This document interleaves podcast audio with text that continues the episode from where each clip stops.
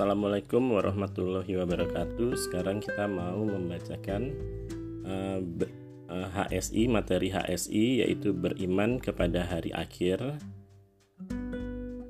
Itu halakoh ke-26 sampai ke-30 yaitu beriman kepada hari akhir yang kedua. Sekarang halakoh ke-26. Silsilah ilmiah beriman kepada hari akhir yaitu ditiupnya sangkakala. Halakoh yang kedua enam dari silsilah ilmiah beriman kepada hari akhir adalah ditiupnya sangkakala bagian pertama. Termasuk beriman kepada hari akhir adalah beriman kepada akan ditiupnya sangkakala. Rasulullah pernah ditanya apa itu sangkakala, maka beliau mengatakan tanduk yang ditiup. Hadis sahih riwayat Abu Dawud, Tirmisi, dan Nasai. Beberapa ayat menyebutkan bahwa sangkakala akan ditiup sebanyak dua kali. Di antaranya adalah firman Allah dalam Az-Zumar 68 dan ditiplah sangkakala maka matilah siapa yang ada di langit dan di bumi kecuali siapa yang dikehendaki oleh Allah. Kemudian ditiup sangkakala itu sekali lagi, maka tiba-tiba mereka berdiri menunggu. Tiupan sangkakala pertama dengannya meninggal semua yang ada di langit dan di bumi, kecuali yang Allah kehendaki. Tiupan ini terjadi di hari Jumat sebagaimana dalam sahih Muslim. Dan setiap Jumat, hewan-hewan mereka senantiasa masang telinga antara waktu subuh sampai terbit matahari. Karena takut bila ditiup sangkakala pada hari tersebut. Terdapat pada hadis sahih riwayat Abu Dawud, Tirmisi, dan Nasai. Bila terdengar maka semua akan mencondongkan lehernya dan mengangkatnya. Dan yang pertama kali mendengar adalah seorang laki-laki yang sedang memperbaiki penampungan air untuk minum ontanya maka dia pun mati dan matilah semua manusia. Terdapat pada HR Muslim. Waktu tersebut sangat singkat sehingga seseorang tidak akan sempat berwasiat dan tidak ada waktu kembali ke keluarganya. Mereka meninggal di tempatnya masing-masing. Allah berfirman pada surat Yasin 49 50. Mereka tidak menunggu melainkan satu teriakan saja yang akan membinasakan mereka ketika mereka sedang bertengkar Lalu mereka tidak kuasa membuat satu wasiat pun dan tidak pula dapat kembali kepada keluarganya. Di dalam Sahih Bukhari disebutkan bahwa ada sebagian yang sudah mengangkat makanan ke mulutnya namun tidak sempat memakannya karena sudah ditiup sangkakala.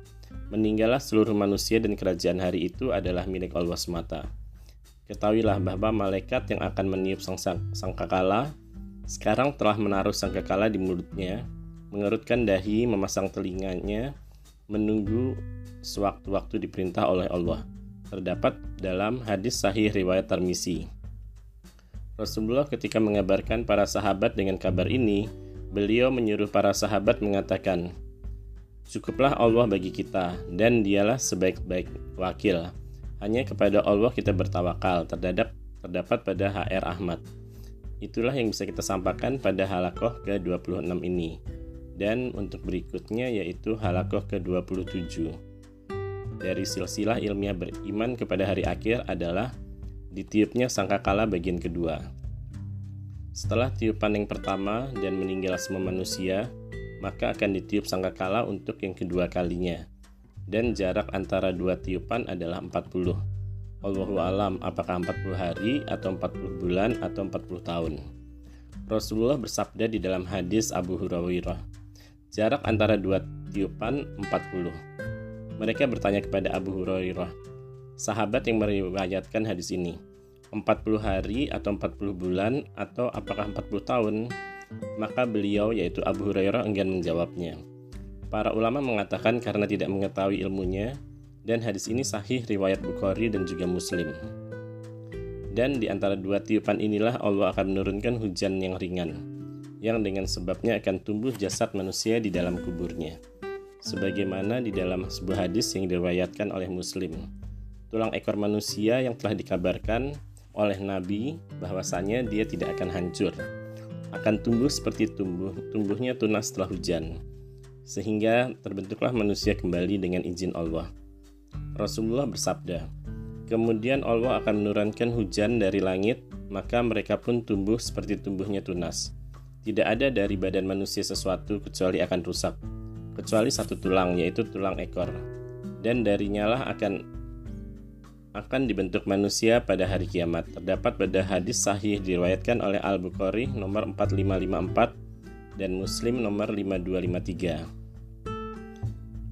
Saudara sekalian, Allah lah yang telah menciptakan dan tidak ada yang menjadi ada. Dan dialah yang akan membangkitkan manusia setelah matinya. Allah berfirman, dan dialah Allah yang menciptakan manusia dari permulaan, kemudian akan mengembalikan atau menghidupkan kembali dan menghidupkannya itu adalah lebih mudah bagi Allah Subhanahu wa taala. Terhadap dalam surat Ar-Rum ayat 27. Setelah terbentuknya jasad semua manusia, maka malaikat akan meniup sangkakala untuk yang kedua kalinya dan akan dikembalikan ruh-ruh kepada jasadnya. Dan hiduplah manusia serta akan dibangkitkan dari kuburnya. Allah berfirman, kemudian akan ditiup sangkakala yang kedua kalinya, maka tiba-tiba mereka bangkit dalam keadaan menunggu terdapat pada surat As-Sumar ayat 68. Itu adalah terakhir dari halakoh ke-27.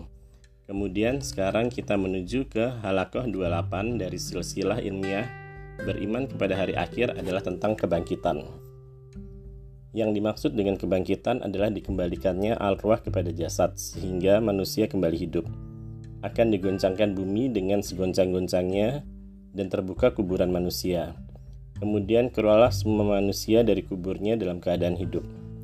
Allah berfirman dalam surat Az-Zalzalah ayat 1 3. Apabila bumi digoncang dengan segoncang-goncangnya dan bumi mengeluarkan beban-bebannya dan berkatalah manusia, "Mengapa bumi menjadi begini?" Dan orang yang pertama kali terbuka kuburnya adalah Rasulullah. Terdapat pada AR Bukhari and Muslim manusia akan dibangkitkan sesuai dengan keadaan ketika dia meninggal dunia. Rasulullah bersabda, akan dibangkitkan setiap hamba sesuai keadaan dia ketika meninggal dunia, sesuai dengan HR Muslim. Rasulullah mengabarkan bahwasanya orang yang meninggal dalam keadaan ihram, haji atau umroh, maka akan dibangkitkan dalam keadaan membaca talbiyah, HR Bukhari dan juga Muslim. Orang yang makan riba akan bangkit seperti bangkitnya orang-orang yang kesurupan, yaitu dalam keadaan sempoyongan.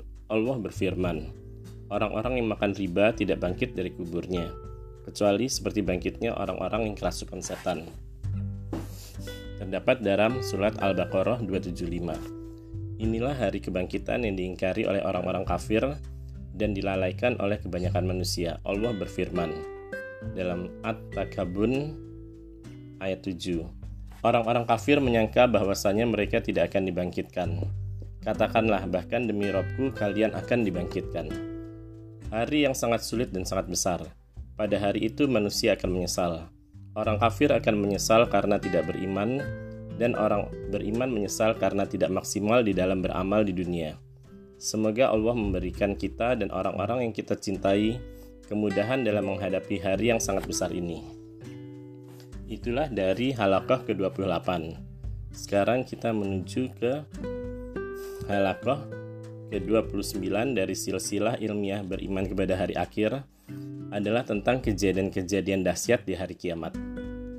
Pada hari kiamat setelah bangkitnya manusia dari kubur, akan terjadi kejadian-kejadian dahsyat di alam semesta yang kita lihat. Baik alam atas maupun alam bawah. Tidak ada yang mengetahui hakikat kedahsyatan kecuali Allah Azza wa Jalla.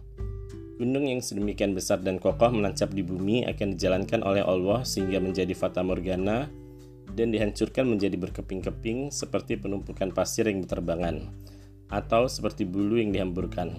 Bisa dilihat pada surat Al-Waqiyah ayat 5 sampai 6, surat Muzamil ayat 14, surat An-Naba ayat 20, surat At-Takwir ayat 3, surat Al-Qari'ah ayat 5. Bumi yang sebelumnya tenang akan digoncangkan dengan segoncang-goncangnya dan dibentangkan. Kemudian diganti sifatnya sehingga menjadi jelas, rata, tanpa gunung, tanpa lembah, tanpa pohon.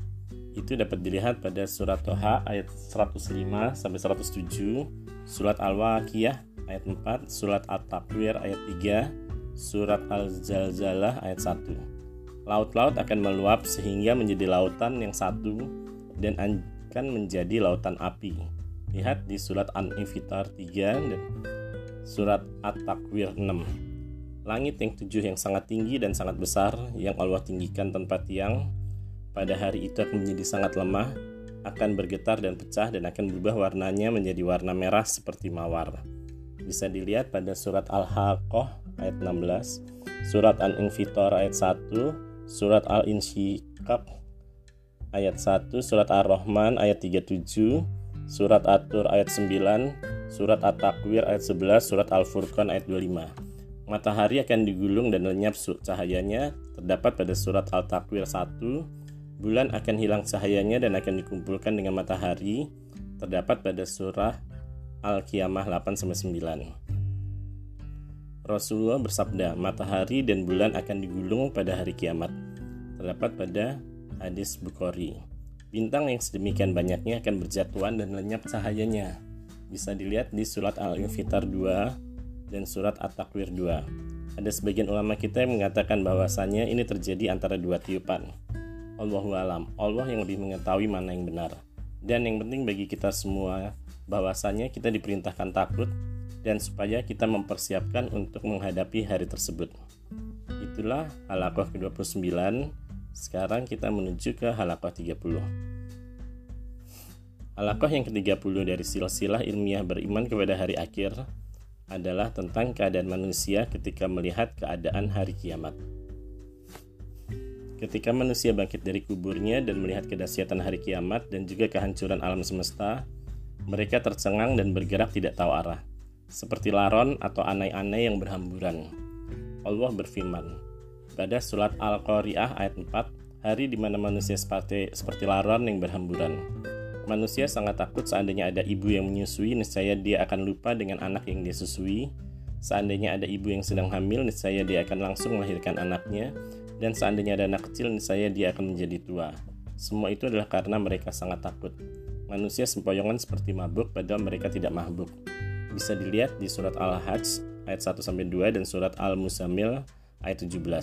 Manusia akan lari dari orang-orang yang sangat mereka cintai di dunia, lari dari saudaranya, lari dari ibu bapaknya, dari istri dan juga anak-anaknya masing-masing memikirkan keselamatan dirinya sendiri.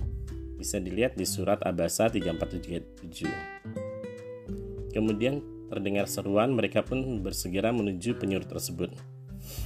Allah berfirman pada Al-Qamar 6-8, pada hari di mana penyeru akan menyeru kepada sesuatu yang mengerikan, Pandangan-pandangan mereka tertunduk hina, keluar dari kuburan seperti belalang yang bertebaran.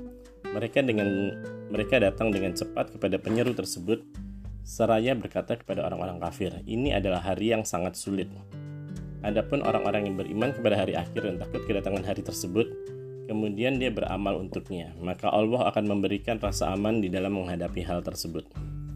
Hari tersebut, Allah berfirman, mereka tidak ditimpa rasa takut karena kedahsyatan hari kiamat, dan mereka disambut malaikat yang berkata, Inilah hari yang dijanjikan untuk kalian. Al-Anbiya 103. Intilah yang sampaikan pada halakoh ini dan sampai bertemu di halakoh selanjutnya.